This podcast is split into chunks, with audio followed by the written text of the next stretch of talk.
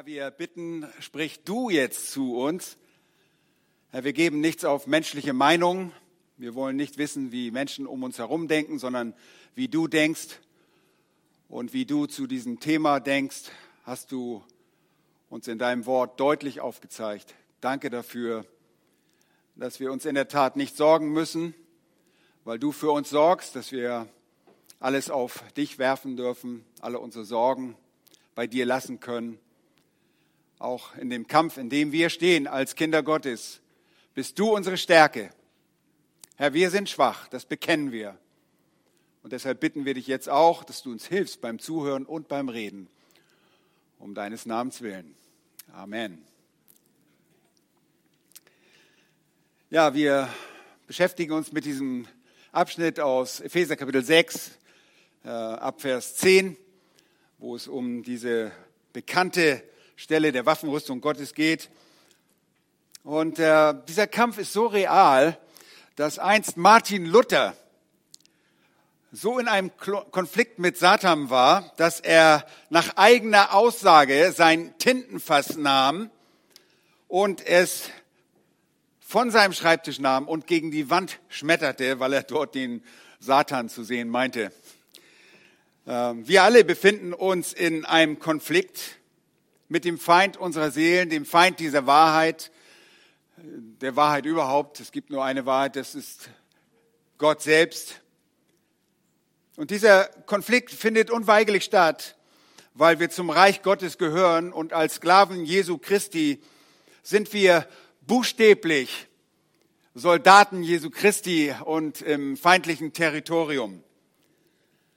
Zusammen mit seinen Dämonen versucht der Satan ähm, dieses System gegen Gott und gegen Christus, gegen die Wahrheit und gegen das Leben orientierte System auf dieser Welt zu leiten. Und solange wir hier sind, tragen wir diesen Kampf aus.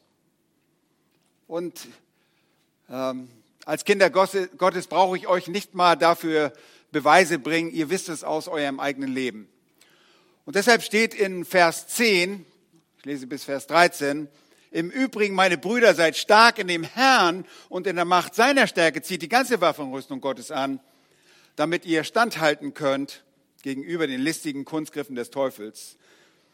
Denn unser Kampf richtet sich nicht gegen Fleisch und Blut, sondern gegen die Herrschaften, gegen die Gewalten, gegen die Weltherrscher der Finsternis dieser Weltzeit, gegen die geistlichen Mächte der Bosheit in den himmlischen Regionen. Deshalb ergreift die ganze Waffenrüstung Gottes, damit ihr am bösen Tag widerstehen und, nachdem ihr alles wohl ausgerichtet habt, euch behaupten könnt. Und in den ersten Botschaften haben wir uns mit diesen Versen befasst und versucht, ein grundlegendes Verständnis dafür zu schaffen, warum es diesen Konflikt gibt und als Gläubige müssen wir verstehen, dass wir der Tempel des Heiligen Geistes sind. Und äh, die wunderbare Nachricht ist, dass wir nicht vom Satan oder durch seine Dämonen bewohnt werden können, weil der Heilige Geist in den Kindern Gottes wohnt. Und so ist dieser Konflikt nicht ein Konflikt, weil Satan in uns ist, sondern ein Konflikt, weil er um uns herum ist und alles versucht, um uns auf uns einzuwirken von außen her. Wir reden von dem Kampf, mit dem ein Kind Gottes, der es in dieser Welt lebt, zu tun hat. Und Satan versucht an unser Gefallensein, wir sind gefallene Menschen, versucht er zu appellieren. Und wir wurden erlöst, erneuert und wir sind neue Geschöpfe. Wir besitzen jetzt andere Neigungen, andere Motivationen und Bindungen und wir sehen die Dinge jetzt vollkommen anders als vor unserer Bekehrung. Ist es nicht so? Wir sind eine neue Schöpfung. Wenngleich noch immer in unserem unerlösten Fleisch diese Neigungen sind, die zum alten Menschen gehören. Und wir besitzen diese Neigung für die Lust des, Fleisches und der Augen und den Hochmut des Lebens. Und das ist es, was in uns steckt. In uns steckt unser Gefallensein, unsere Sünde. In Römer 7 sagt Paulus, in mir steckt Sünde und deshalb bin ich noch immer ein elender Mensch. deshalb tue ich nicht, was ich tun sollte und tue, was ich nicht tun sollte. Ja, manchmal sogar das, was ich nicht tun will. Und ich tue nicht konsequent, was ich eigentlich tun will. Und das ist die Sünde, die in mir steckt. Es ist genau dieser Grundsatz, der immer noch in mir tätig ist und gegen das Gesetz Gottes ankämpft, das jetzt mein Verstand zu beherrschen versucht und meine Emotionen angreift. Und Satan, der also außerhalb unseres Körpers ist, spielt das Weltsystem so clever aus, deshalb auch seine Kunstgriffe, dass er uns an unseren Schwachpunkten angreift. Und wie ihr selbst wisst und immer wieder bemerkt, leben wir in einer feindlichen Welt, einer Welt, die mit der offenkundigen Förderung der Lust des Fleisches und der Lust der Augen und dem Hochmut des Lebens zu tun hat. Sie beherrscht unsere Kultur auf gewisse Weise und sie tut es mehr als je zuvor durch die Medien. Es ist wohl nicht so, dass wir Sünder heutzutage schlimmer wären als die Sünder damals, obwohl es eine bestimmte Steigerung gibt. Der Apostel Paulus sagt selbst, böse Menschen werden es immer schlimmer treiben. Und es geht nicht so sehr darum, dass es nie zuvor Sünder oder Sünde gegeben hat. Das hat es. Es hat in der gesamten Menschheit immer schreckliche Arten und Formen der Sünde gegeben. Aber durch die Massenmedien in unserer Zeit geht der Kontakt damit über alles hinaus, was wir bisher erlebt haben und was man in der Vergangenheit erdulden musste. Früher war es zum Beispiel unmöglich, eine voll ausgeprägte pornografische Erfahrung im eigenen Zimmer zu Hause zu haben. Das war nicht möglich, bevor die Menschheit direkten Zugang zu etwas hatte, das man in der Hand hält, wo immer man hingeht. Ihr wisst, wovon ich spreche. Ihr habt es sogar jetzt in eurer Tasche. Es ist unmöglich, und es war unmöglich, den Kopf voller sexuell brisanter Bilder zu haben, die auf einen einströmen, wenn man einen Zimmerwand großen Bildschirm anschaut und Menschen bei unmoralischen Handlungen beobachtet. Dieser Art von Angriff ist Bestandteil des Lebens in diesem Jahrhundert und ein Stück weit von des letzten Jahrhunderts. Und auf diese Weise agiert Satan. In diesem System arbeitet er. Und das ist die verdorbene Seite in der er agiert. Und dann gibt es die moralische Seite, die trügerisch-moralische, muss ich sagen, denn so moralisch ist das nicht. Äh, diese moralische Seite steckt, diese trügerisch-moralische steckt in Religion. Satan lenkt alle falschen Religionen dieser Welt. Er lenkt falsche Formen der Christenheit und er trägt dabei immer ein geistliches Gewand. Er leitet gewisse theologische Seminare Universitäten, die er als christlich und religiös verbrämt oder bezeichnet. Er ist für all das verantwortlich und eben auch für die ganze unmoralische Angelegenheit der Pornoindustrie und jede Art von Sünde und Variante der Werbung, die dazwischen liegt. Leben und wir leben mittendrin. Und da ist der Kampf. Der Kampf für uns besteht darin, im Geist zu wandeln und nicht nach der Lust des Fleisches. Der Kampf für uns besteht darin, dem Satan zu widerstehen. Der Kampf für uns besteht darin, zu lieben, was richtig und was heilig und was gerecht ist und das Böse abzulehnen und dem Bösen entgegenzuwirken, Kampf im Kampf festzustehen. Und es gibt einen grundlegenden und leicht verständlichen Unterschied zwischen dem, was Gott tut und dem, was Satan tut. So leicht zu merken. Gott offenbart Wahrheit. Satan verbirgt Wahrheit. Gott sagt uns die Wahrheit, Satan erzählt uns Lügen. Gott gibt uns Leben, Satan nimmt das Leben. Er will immer das Leben zerstören. Gott bringt geistliche Werke hervor, Satan bringt fleischliche Werke hervor. Gott bringt uns Prüfungen, um uns reif zu machen. Satan bringt uns Versuchen, Versuchungen, um uns zu zerstören. Gott macht uns frei, Satan nimmt uns gefangen und versklavt uns. Genauso ist das Muster. Gott ist gut, Satan ist nur böse. Und so leben wir in dieser Welt und wie ich bereits sagte, gibt es in der Welt, in der wir heutzutage leben, Mittel und Wege, uns anzugreifen, die wir in der Vergangenheit nicht hatten. Und die Frage lautet, wie gehen wir damit um, um ein siegreiches Leben zu leben? Wie überwinden wir diese Dinge, die überall um uns herum sind, mit denen wir überall konfrontiert werden und die uns deshalb ständig im Kopf herumspuken und uns noch äh, an unser Gefallensein appellieren.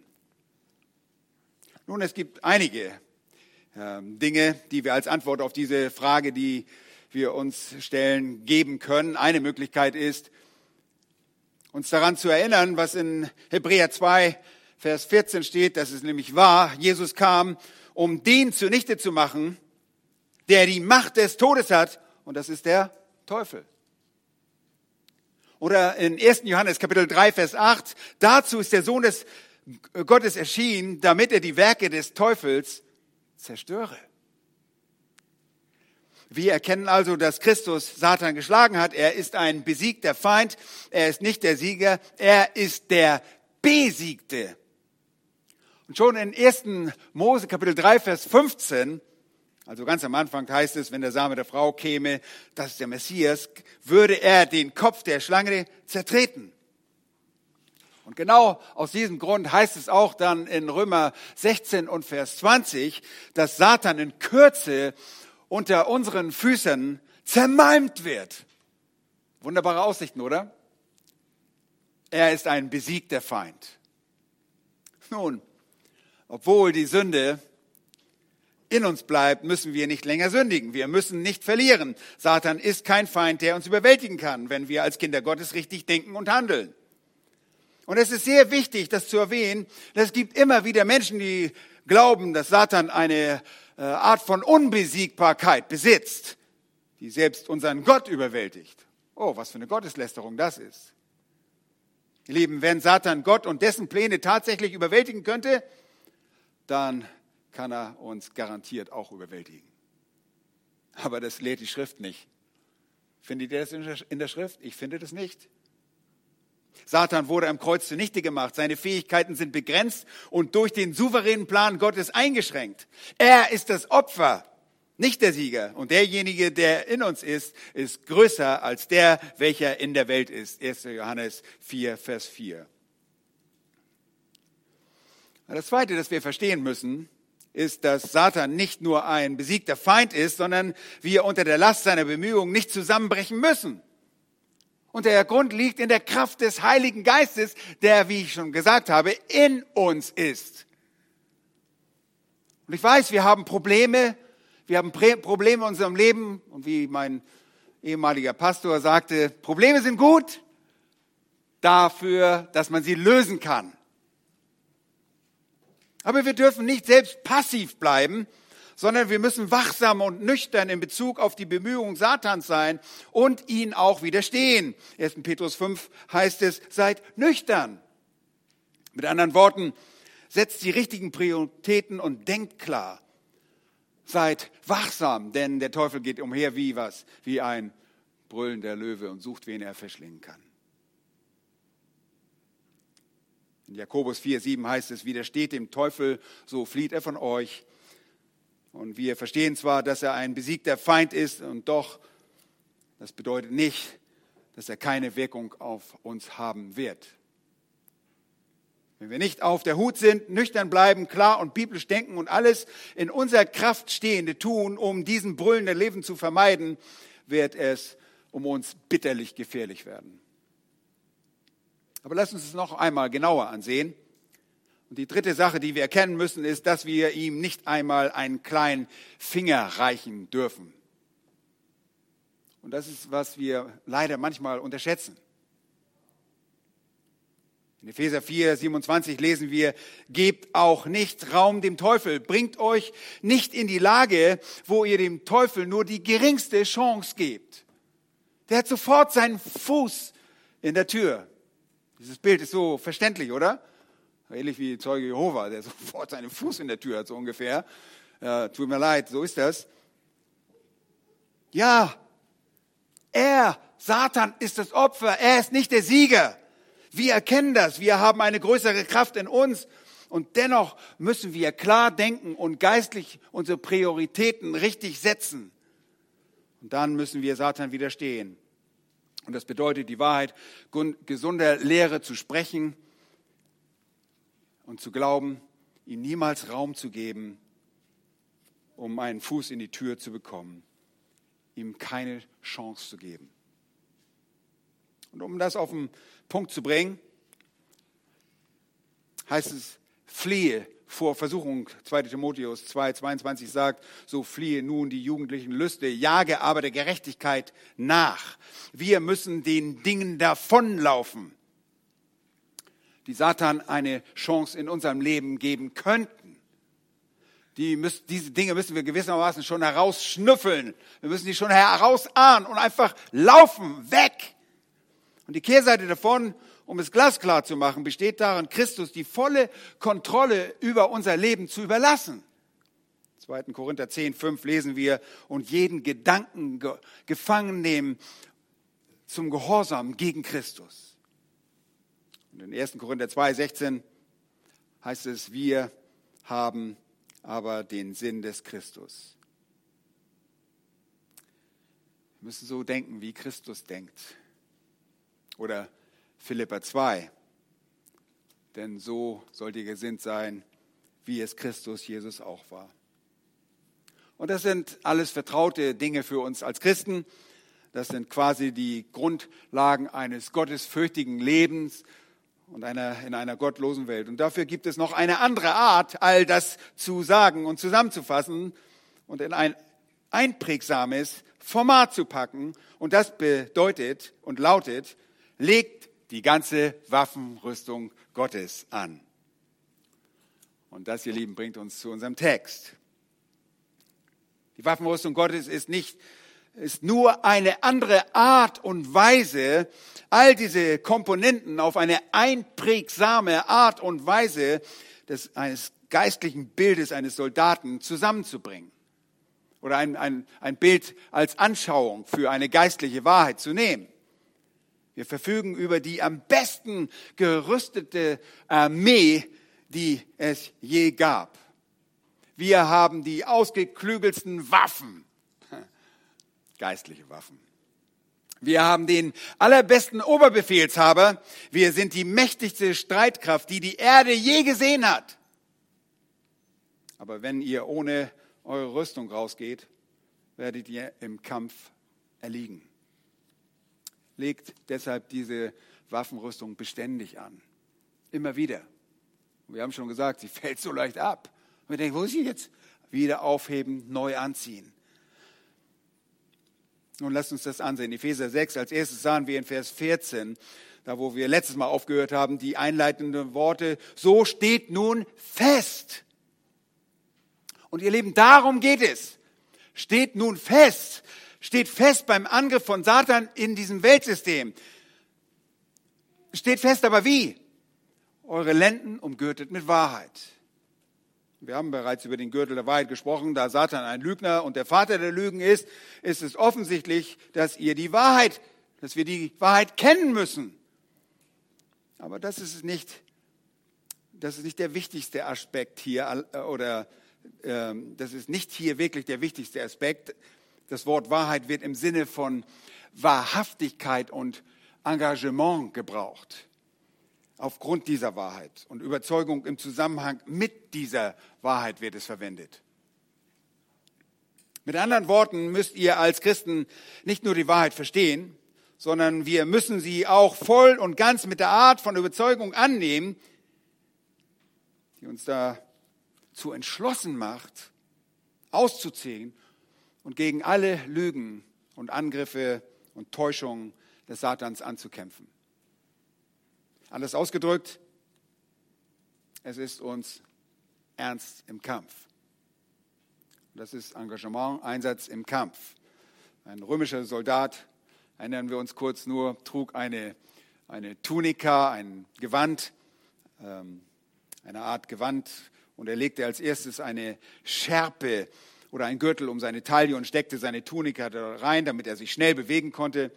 Und er sicherte diesen Gürtel, mit diesem Gürtel diese, dieses Gewand, damit dieses Gewand nicht im Nahkampf zum Hindernis wurde und im Wind herumflatterte. Er zurrte alle losen Enden fest. Und Petrus sagte dasselbe und er sagte, er sagte was? Umgürtet die Lenden eurer Gesinnung. Legt die losen Enden eures Lebens zusammen, haltet euch an die Dinge, von denen ihr wisst, dass sie wahr sind und setzt euch dafür ein. Orientiert euch an der Wahrheit und zeigt dafür ganzes Engagement. Letztlich läuft es darauf hinaus, dass ihr eure Vorstöße und die bevorstehende Kämpfe mit Satan nicht wirklich gewinnen werdet, wenn wir uns nicht wirklich dafür einsetzen. Das ist kein Spaziergang. Macht also ernst damit. Die zweite Sache, über die wir letztes Mal gesprochen haben, war der Brustpanzer der Gerechtigkeit. Wenn ihr irgendein Bild eines Soldaten aus alten Zeiten vor Augen habt, dann geht euch dieser Brustpanzer garantiert nicht. Der ist garantiert dabei. Und letztes Mal haben wir auch über, kurz über diese verschiedenen Arten der Brustpanzer gesprochen. Sie dienten dazu, die lebenswichtigen Gerecht, äh, Organe zu schützen. Der Brustpanzer, den wir tragen müssen, besteht aus Gerechtigkeit. Wie wir gesagt haben, besteht diese Gerechtigkeit, ist das nicht die forensische, die uns zugeschriebene Gerechtigkeit, sondern hier handelt es sich um die äh, sich daraus ergebende gelebte Gerechtigkeit, die uns schützt. Wenn wir gerecht, in einem gerechten Leben wandeln, dann tragen wir den Brustpanzer der Gerechtigkeit. Der Brustpanzer ist Heiligkeit, er ist gerechtes Leben. Und wenn wir nicht täglich einen heiligen Lebenswandel führen, dann bringt uns das Probleme. Und ich habe Römer 13 erwähnt, insbesondere Vers 11, in dem wir lesen, dass nämlich die Stunde schon da ist, dass wir vom Schlaf aufwachen sollen. Denn jetzt ist unsere Errettung näher, als da wir gläubig wurden. Die Nacht ist vorangerückt, der Tag aber ist nahe. Lasst uns deshalb die Werke der Finsternis ablegen und die Waffen des Lichts anlegen. Was bedeutet das? Das bedeutet nichts anderes, als dass wir nicht mehr in Unzucht und Ausschweifung leben, nicht in Streit und Neid, sondern dass wir wen anziehen? Den Herrn Jesus Christus. Und dass wir nicht mehr das Fleisch pflegen zur Erregung der Lüste. Darum geht es hier. Also erstens kennen wir die Wahrheit. Und die Wahrheit ist unsere Überzeugung. Und wir ziehen den, in den Kampf engagiert für diese Wahrheit. Und zweitens schützen wir uns selbst, indem wir Heiligkeit und Gerechtigkeit anlegen. Wie sieht es aus? Nun, Paulus sagt uns, wie es nicht aussieht, nämlich Unzucht und all diese anderen Dinge, sexuelle Freizügigkeit und so weiter. Aber er sagt uns auch, wie es aussieht, indem er uns auffordert, den Herrn Jesus Christus anzuziehen. Er sagt, legt Christus Ähnlichkeit an. Und damit kommen wir zu dem nächsten Teil der Waffenrüstung, Vers 15. Und da heißt es, und die Füße gestiefelt mit der Bereitschaft. Und da kommt eine Klammer zum Zeugnis für das Evangelium des Friedens. Und ihr seht, in der Schlachter 2000 ist das zum Zeugnis in Klammern gesetzt, beziehungsweise auch einige andere Übersetzer haben das in Kursivschrift, so auch die Elberfelder. Und die Übersetzer meinen, dass dies hier impliziert werden müsse. Nun, ich wage zu bezweifeln, dass das wirklich dieser richtige Zusatz ist. Meine bevorzugte Lesart, und ich erkläre das gleich, ist die Füße gestiefelt mit der Bereitschaft des Evangeliums des Friedens. Die Füße gestiefelt mit der Bereitschaft des Evangeliums des Friedens. Nun, in der Gesellschaft, in der wir leben und in den meisten Gesellschaften, selbst zurück bis in die Zeit, in der äh, unser Herr Jesus Christus auf Erden war, verstanden die Menschen, wie wichtig das richtige Schuhwerk war. Besonders für einen Soldaten im Kampfgeschehen. Nun, dank dem Herrn, ich habe noch nie einen solchen, solchen Krieg gekämpft. Und ich wollte zwar mal zur Luftwaffe, aber aufgrund meiner Rot-Grün-Schwäche wollte mich dort keiner haben. Die wollten mich zu den Pionieren schicken. Und dann habe ich gesagt, nee, dann mache ich das nicht. Und dann habe ich meinen Zivildienst gemacht, damals bei Wort des Lebens. Und ich habe einige lebhafte Erfahrungen aus dieser Zeit bei Wort des Lebens, die alle nicht relevant sind, bis auf eine. Und die dient jetzt mir einfach mal zur Illustration. Ich war nämlich ein leidenschaftlicher Fußballspieler. Sollte man nicht meinen, so ein alter Knacker. aber ich konnte immer Fußball spielen. Und auf dem Acker hinter dem Schloss in Allmannshausen, das war unter Allmannshausen, hatte ich sogar manchmal meine Chance. Ich war ein sehr gefürchteter Spieler. Nicht, weil ich eine ausgefeilte Spieltechnik besaß, sondern weil ich in der Regel mit überdimensionalen Alustollen, Schraubalustollen auf den Acker auflief. Einmal war die Verletzungsgefahr für mein Gegenüber riesig, aber da es keinen Schiedsrichter gab, der mich irgendwie disqualifiziert hatte, konnte ich mit diesen äh, Stelzen, regelrechten Stelzen auflaufen. Nun, ich hatte aufgrund meines Schuhzeugs bei besonders matschigem Wetter die besten Chancen, jedes Spiel zu gewinnen. Ich, so, so habe ich einiges, einige Spiele äh, meiner Mannschaft äh, rumreißen können. Denn ich war der Einzige, der stehen konnte. Also da waren so eine, richtig so eine Stelzen unter. Und äh, bei jedem tiefen Rasen ist das immer von Vorteil. Du kannst jeden aussteigen lassen. Und so könnt ihr, könnt ihr sehen, wie wichtig schon beim Sport ähm, das richtige Schuhzeug ist. Im Gegenteil war das, wenn ich die langen Stelzen unter hatte und der Boden richtig hart war, dann taten mir hinter die Fußballen dermaßen weh, dass ich kaum noch laufen konnte am nächsten Tag. Aber ganze Armeen wurden geschlagen, weil sie keine Schuhe hatten. Habt ihr das mal in der Geschichte gelesen? In Amerika im Unabhängigkeitskrieg war dies einmal recht entscheidend eines der größten Probleme im amerikanischen Unabhängigkeitskrieg, als die Amerikaner gegen die Briten kämpften, war die Tatsache, dass sie barfuß waren, weil ihre Schuhe verschlissen waren. Und vielleicht kennt ihr den alten Spruch, dass das Königreich wegen eines fehlenden Nagels verloren ging. Wisst ihr, worum es dabei ging? Wegen eines fehlenden Nagels ging ein Hufeisen verloren, wegen eines fehlenden Hufeisens ging ein Pferd verloren, wegen eines fehlenden Pferdes ging ein Soldat verloren, wegen eines fehlenden Soldaten ging das Königreich verloren. Seht ihr, welches Schuhwerk man trägt, ist also sehr wichtig. Und die Römer begriffen das. Die Römer begriffen, dass es unerlässlich war, dafür zu sorgen, dass der Soldat alles hatte, was er brauchte. Insbesondere, damit er sich stabilisieren konnte. Denn das, was er anhatte, das wog auch einiges. Und wenn du dann auf dem Schlachtfeld stehst, musst du gut stehen können. Und vergesst nicht, wovon hier die Rede ist. Vers 14. Es geht um das, nochmals, Feststehen. Wir müssen feststehen. Im Geistlichen müssen wir feststehen. Ausrutschen ist beim Nahkampf nicht erwünscht. Und es gibt historische Berichte über lange Märsche zu Zeiten der Römer. Die römische Armee hatte erstaunlich lange Märsche über unwegsames Gelände, bei denen das Leder ihre Schuhe abnutzte. Historiker berichten, dass das Tausende von Todesopfern in die Schlachten forderte. Und die richtigen Schuhe waren in der Tat unerlässlich. Denn wenn man nicht auf festem Boden steht, ihr Leben, dann sind die eigenen Fähigkeiten völlig egal.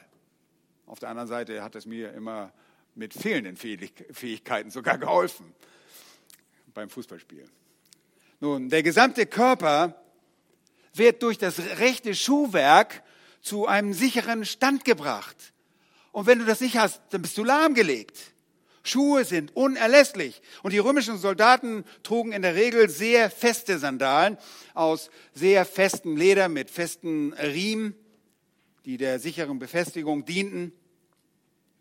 Und in diese Sandalen wurden Nägel von innen durch die Sohle geschlagen, dicke Schuhnägel, die ähnlich wie Stollen sind oder Spikes, sagt man ja auch bei, im, äh, in der Leichtathletik.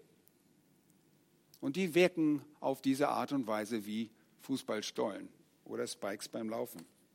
Und dadurch konnte der Soldat während des Kampfes verstehen und auch mal einen Hügel hoch, hoch und mal wieder runterlaufen, auch wenn es geregnet hat. Der Nutzen von gutem Schuhzeug wird auch deutlich, wenn man über ein weiteres vertrautes Mittel, das früher bei der Kriegsführung eingesetzt wurde, nachdenkt. Und das war, da waren sogenannte Bodenfallen. Nicht Fallen, wo man reinfiel und reinplumpste, sondern das waren gewissermaßen äh, die Vorläufer von Landminen. So etwas kennt, man, kennt ihr bestimmt. Menschen, die in den Kriegen zu unserer Zeit Minenfelder überquerten und im Nahen Osten geschieht das ja heute immer noch, die fliegen dann in die Luft, wenn sie darauf treten. Bevor es diese Minenfelder gab, nahm man in früheren Zeiten Stöcke und man spitzte sie sehr scharf an und vergrub sie in der Erde mit der Spitze natürlich nach oben. Und dann kaschierte man das ein bisschen, tarnte das ein bisschen und wartete, bis die Soldaten auf dieses Minenfeld, auf dieses äh, Landminenfeld liefen. Au, das tut weh. Ja, habt ihr mal so eine Spitze in den Fuß gejagt? Und äh, da nützt auch nicht ein dünnes Ledersühlchen. Da muss man ein richtiges, gutes Schuhwerk haben. Und wer war so eine Fußsohle mal verletzt, dann gab es natürlich auch gleich Schnitte, Blutung und Infektion. Und das bedeutet immer auch eine immense Schwächung und Ausfall für den Soldaten. Paulus sieht nun eine geistliche Parallele zu dem sehr vertrauten Teil der Uniform oder Rüstung eines Soldaten. Und deshalb sagt er in Vers 15, und die Füße gestiefelt mit der Bereitschaft des Evangeliums des Friedens. Hier geht es um den Gedanken des Bereitseins im Sinne von gerüstet sein, noch einmal mehr bereit zu sein. Die Füße sollten und sollen bereit sein, die Füße sollen für die Schlacht bereit sein, wie alle anderen wichtigen Teile. Und Im Laufe der Jahre haben die meisten Kommentatoren, wahrscheinlich habe ich das auch schon mal gemacht, möglicherweise durch die Übersetzung beeinflusst, das als symbolischen Aufruf zur Evangelisation gesehen. Und sie stützen sich dabei auf den Gedanken von Römer Kapitel 10, Vers 15, wo es heißt, wie lieblich sind die Füße derer, die Frieden verkündigen, die Gutes verkündigen. Und das ist ein Zitat aus Jesaja 52, Vers 7. Aber Römer 10, Vers 15, die Füße derer, die Frieden verkündigen, die Gutes verkündigen, das ist kein Vers, der das, was hier steht, erläutert. Hat nichts damit zu tun. Zunächst einmal hat der Vers nichts mit einem Krieg zu tun. Er hat nichts mit Schuhen zu tun. Hier wird einfach gesagt, dass Menschen, die das Evangelium hören, jenen, jene segnen werden, die es ihnen gebracht haben. Paulus redet in unserer Epheserstelle nicht davon, irgendwo hinzugehen.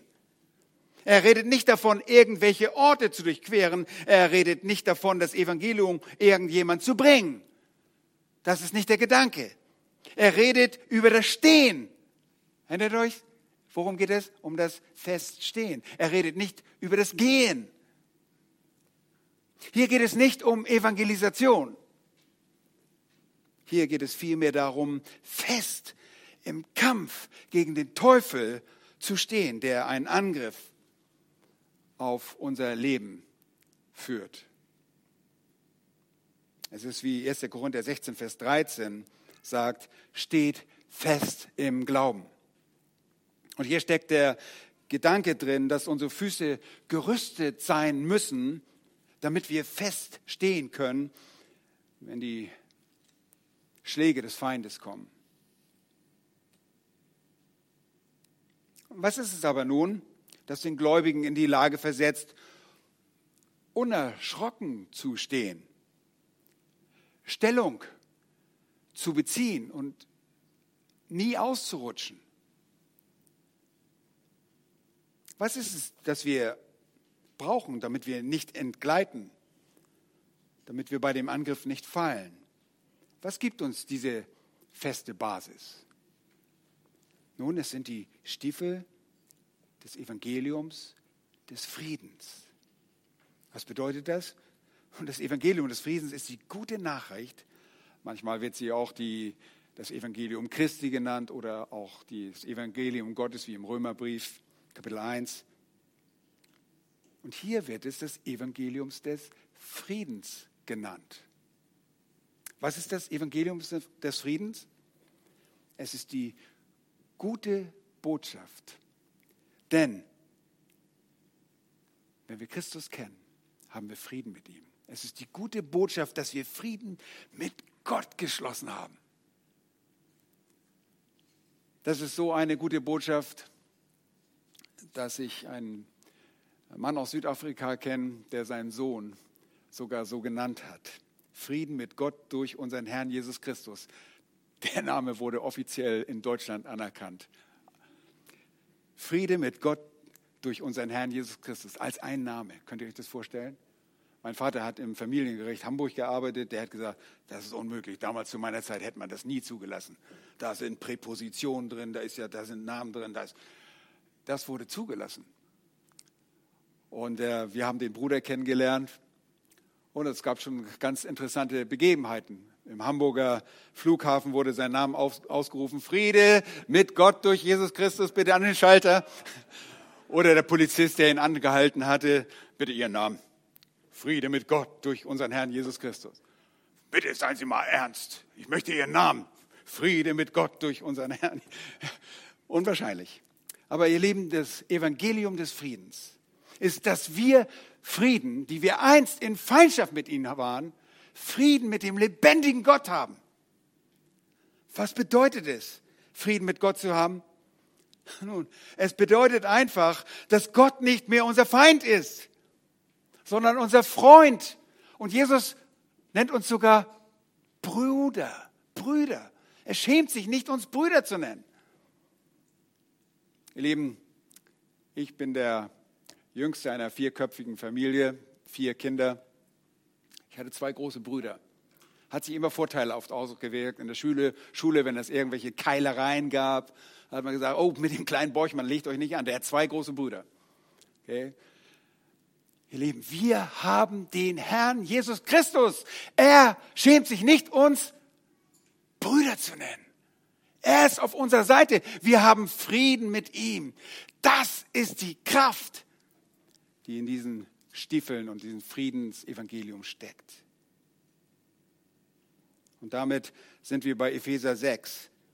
Seid stark in dem Herrn und der Macht seiner Stärke. Er, der Herr, ist auf unserer Seite.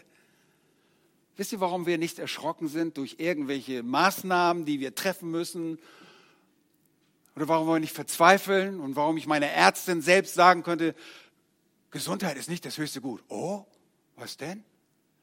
Die Beziehung zu unserem Gott. Wir haben keine Angst. Wir haben den Herrn Jesus Christus auf unserer Seite. Wir stehen fest, weil wir wissen, dass wir in Wirklichkeit unbesiegbar sind.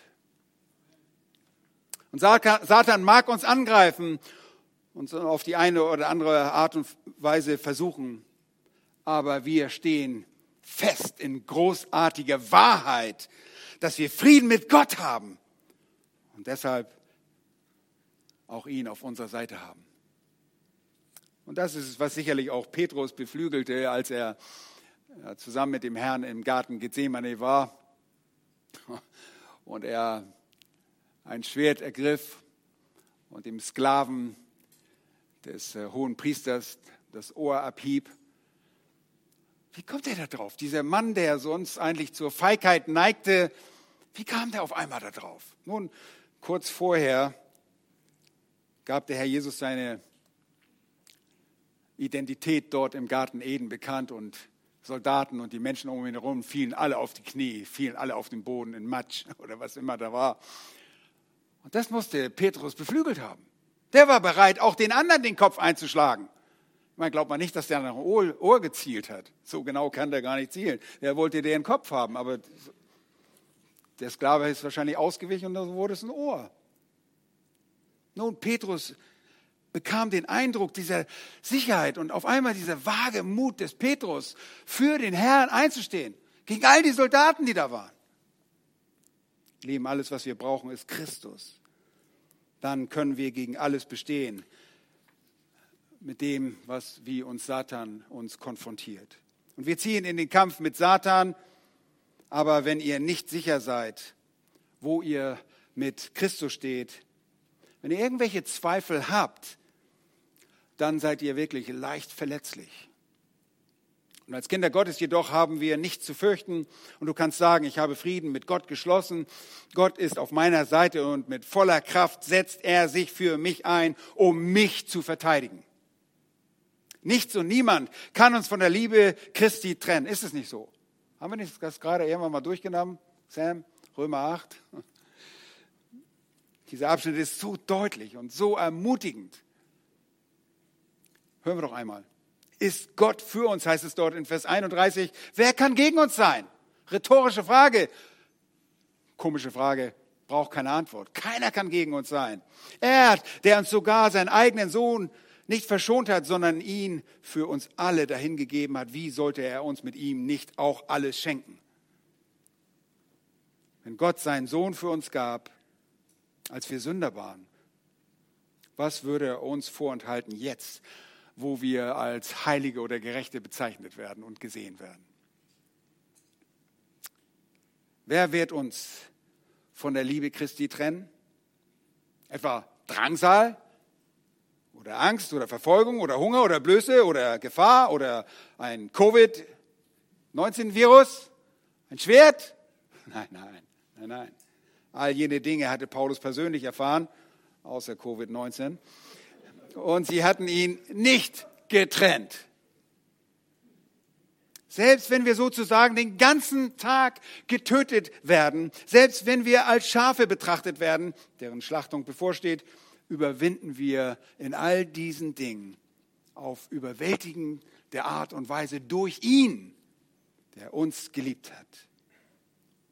Und dann dieser wunderbare Ausspruch, denn ich bin gewiss, dass weder Tod noch Leben, Weder Engel noch Fürstentümer noch Gewalten, weder Gegenwärtiges noch Zukünftiges, weder Hohes noch Tiefes, noch irgendein anderes Geschöpf uns scheiden vermag von der Liebe Gottes, die in Christus Jesus, unserem Herrn ist. Ist es nicht so? Amen. Genau. Es ist diese Art von Einsicht, die uns Sicherheit gibt, uns zu behaupten. Und ich weiß, dass ich Frieden mit Gott habe und dafür muss ich nicht ein Mönch werden, muss nicht irgendwo mich in irgendeinem Kloster abschotten und meinen, dadurch meine Sünden zu besiegen. Oh nein. Ich habe nicht das Gefühl, dass mir meine Augen ausgerissen werden müssen, damit ich nichts mehr sehen kann. Und ich glaube nicht, dass ich meinen Körper geiseln und verwunden und verletzen muss, um das Fleisch irgendwie im Zaum zu halten, weil ich sonst in der Hölle lande. Das passiert nicht. Ich bin mir meines Heils gewiss wir kommen auch noch zum Helm des Heils. Aber ich akzeptiere das Wort wörtlich, was in der Schrift geschrieben steht. Es ist die Wahrheit. Und Jesus sagt, alles, was mir der Vater gibt, wird zu mir kommen. Und wer zu mir kommt, den werde ich nicht hinausstoßen. Und das ist der Wille des Vaters, dass ich nicht verliere von all dem, was er mir gegeben hat, sondern dass ich es auferweckte am letzten Tag. So Johannes 6. Ich habe keine Angst mehr, von ihm abgewiesen zu werden. Und deshalb habe ich auch keine Angst vor Satan. Und ich fürchte mich nicht vor Satan. Ich fürchte mich, wenn, dann vor mir selbst. Aber auch das müssen wir nicht, wenn wir in der Abhängigkeit vom Herrn leben. Ich stehe fest in der Wahrheit und ich hoffe, du tust es auch. Klammer dich an diese Wahrheit. Und wir stehen fest auf der Seite des Herrn Jesus. Wir haben Frieden mit ihm. Ihr Lieben, Satan ist nicht souverän. Und viele Christen haben unverhältnismäßig große Angst vor Satan. Und sie denken, oh, meine Güte, wir müssen Satan und seine Dämonen austreiben aus unseren Häusern. Wir müssen Dämonen austreiben. Wir müssen irgendwann irgendwo so ein Hokuspokus-Ritual äh, machen, damit sie da rausgehen aus unseren Zimmern und aus der Babywiege. Und, und ja, unsere Kinder werden angegriffen. Satan kann unsere Kinder töten und ah, bla bla bla. Das kann er nicht. Satan ist nicht souverän. Wenn wir kein Zutrauen in die Stärke des Herrn habt, dann seid ihr auch nicht bereit, in den Kampf zu ziehen. Nun, auch wenn ihr vielleicht nicht die Details von Richter Kapitel 7 kennt, dann ruft er euch das mal kurz in Erinnerung. Wisst ihr noch, was da geschah? Scharen von Midianitern standen dem Volk Gottes Israel gegenüber. Sie waren dort im Lager. Und Israel hatte eine Armee von insgesamt 32.000 Mann zusammengesammelt. Und Gott sagte, naja, die brauche ich nicht. 32.000, gib mir 300. 300? Ja, 300.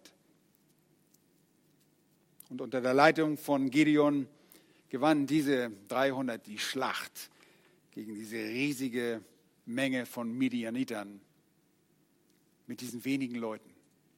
Gott demonstriert durch solche Begebenheiten, wo die Stärke wirklich liegt. Sie liegt nicht im Menschen, sie liegt nicht bei deren Führer, es war nicht Gideon und auch nicht in der Menge von Menschen, sondern allein bei Gott. Das sollte uns so trösten, so ermutigen. Und wir alle wurden in Rebellion gegen Gott geboren, aber während wir noch Feinde waren, liebte Gott uns und während wir Feinde waren, starb Christus für uns. Und wir haben Frieden mit Gott geschlossen und Gott ist auf unserer Seite. Und wir haben die ganze Kraft unseres Gottes hinter uns. Und es ist so wunderbar zu wissen, dass wir in diese Welt gehen können und diese Welt durchdringen können und wir müssen sogar die Welt durchdringen. Das ist unser Auftrag. Und in diesem Sinne müssen wir das Evangelium des Friedens tragen. Aber wir können fest stehen und Positionen beziehen, weil wir wissen, dass die Kraft des Herrn hinter uns steht. Und das ist der Gedanke hier an dieser Stelle. Und es ist die vollkommene Kraft unseres Herrn Jesus Christus, seine Allmacht. Wollt ihr in eurem Leben siegreich leben? Natürlich wollt ihr das. Warum stelle ich diese Frage? Nun, dann zieht diese Elemente der Waffenrüstung in Erwägung und nicht nur in Erwägung, sondern zieht sie an. Wir haben bisher drei Teile der Waffenrüstung betrachtet, die uns helfen zu verstehen, was das bedeutet. Zum Abschluss. Fragt euch als erstes in Bezug auf den Gürtel, ob ihr wirklich gewinnen wollt. Ich meine, wie wichtig ist euch das? Und das sollte die erste Frage sein. Wie wichtig ist mir wirklich dieser Kampf? Bin ich entschlossen? Und wenn ihr damit zufrieden seid, eure Sünden in eurem Leben zu tolerieren und damit zu leben, dann habt ihr keine Chance, in eurem Glaubensleben. Nicht die geringste Chance. Ihr werdet nur schwach sein. Ihr werdet entmutigt sein. Ihr werdet immer freudlos sein. Und ihr werdet wiederholt verlieren und Niederlagen erleiden. Ihr werdet euer Heil zwar nicht verlieren, aber ihr werdet für Gottes quasi, Zwecke quasi nutzlos sein und büßt damit eine ewige Belohnung ein. Und ihr werdet die göttliche Züchtigung erleben, und das ist auch nicht schön, statt die Vorzüge des göttlichen Segens. Und das raubt euch wirklich nur die Kraft und die Freude. Deshalb beantworte diese Frage und tue gegebenenfalls Buße. Zweitens, seid ihr bestrebt, diese Entschlossenheit durch eine heilige Lebensweise zu unterstützen. Wollt ihr das? Oder seid ihr zufrieden mit der Sünde? Und das ist eigentlich ja, dieselbe Sache aus einem anderen Blickwinkel. Aber diese Frage müssen wir stellen. Wollen wir ein heiliges Leben führen, dann seid ihr geschützt mit dem Brustpanzer der Gerechtigkeit. Und drittens, habt ihr die Art von Zuversicht, die erforderlich ist, um in die Höhle des brüllenden Löwens vorzudringen? Würdet ihr in Eberswalde in den Zoo gehen zu dem Löwen? Und das sind Gezähmte. Würdet ihr da reingehen? Ohne Schutzmaßnahme? Ich nicht. Ich nicht. Und der Satan ist noch viel schlimmer. Deshalb musst du wissen, wer auf deiner Seite ist. Ist der Herr auf deiner Seite? Hast du Frieden mit Gott? Hast du wirklich Frieden mit Gott? Oder rennst du irgendwo davon und machst dir selber irgendwas vor? Dann komm heute zu ihm. Schließ Frieden mit Gott. Lass dich versöhnen mit ihm. Tu Buße, geh auf deine Knie. Gott vergibt dir immer gern. Er wird dich niemals herausstoßen. Habe Vertrauen. Und dann bist du gerüstet und kannst durch dieses Leben cruisen. Oh ja, die Pfeile fliegen trotzdem. Aber wir sind geschützt. Will ich also gewinnen?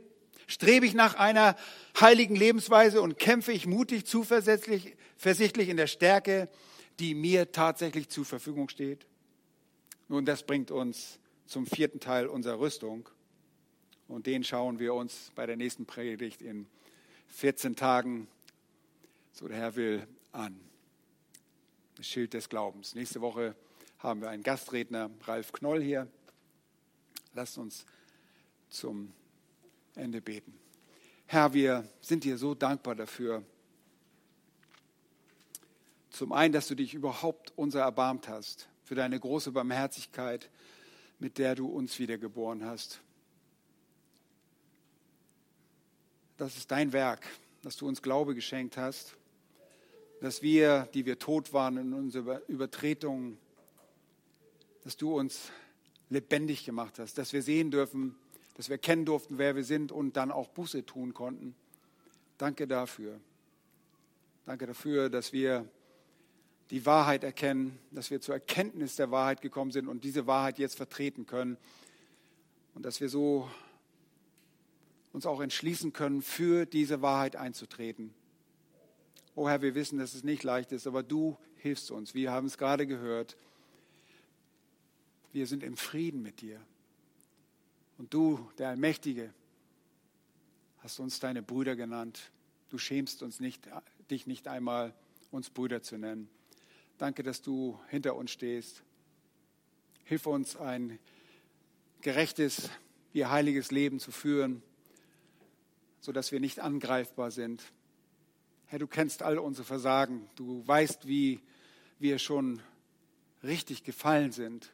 Aber wir wollen aufstehen, frohen Mutes, in dem Wissen, dass du an unserer Seite kämpfst, dass du den Kampf kämpfst an unserer Seite und dass wir auf der Seite des Siegers sind. Wir lieben dich und danken dir von ganzem Herzen. Herr, und sollte jemand hier sein, der dich nicht kennt, hilf du dieser Person nicht, diese Entscheidung, dir zu folgen, mit dir Frieden zu schließen, auf die lange Bank zu schieben, sondern heute als den Tag des Heils zu erkennen. Das bitten wir dich, wirke du zur Überführung von Sünden, um deines Namens willen. Amen.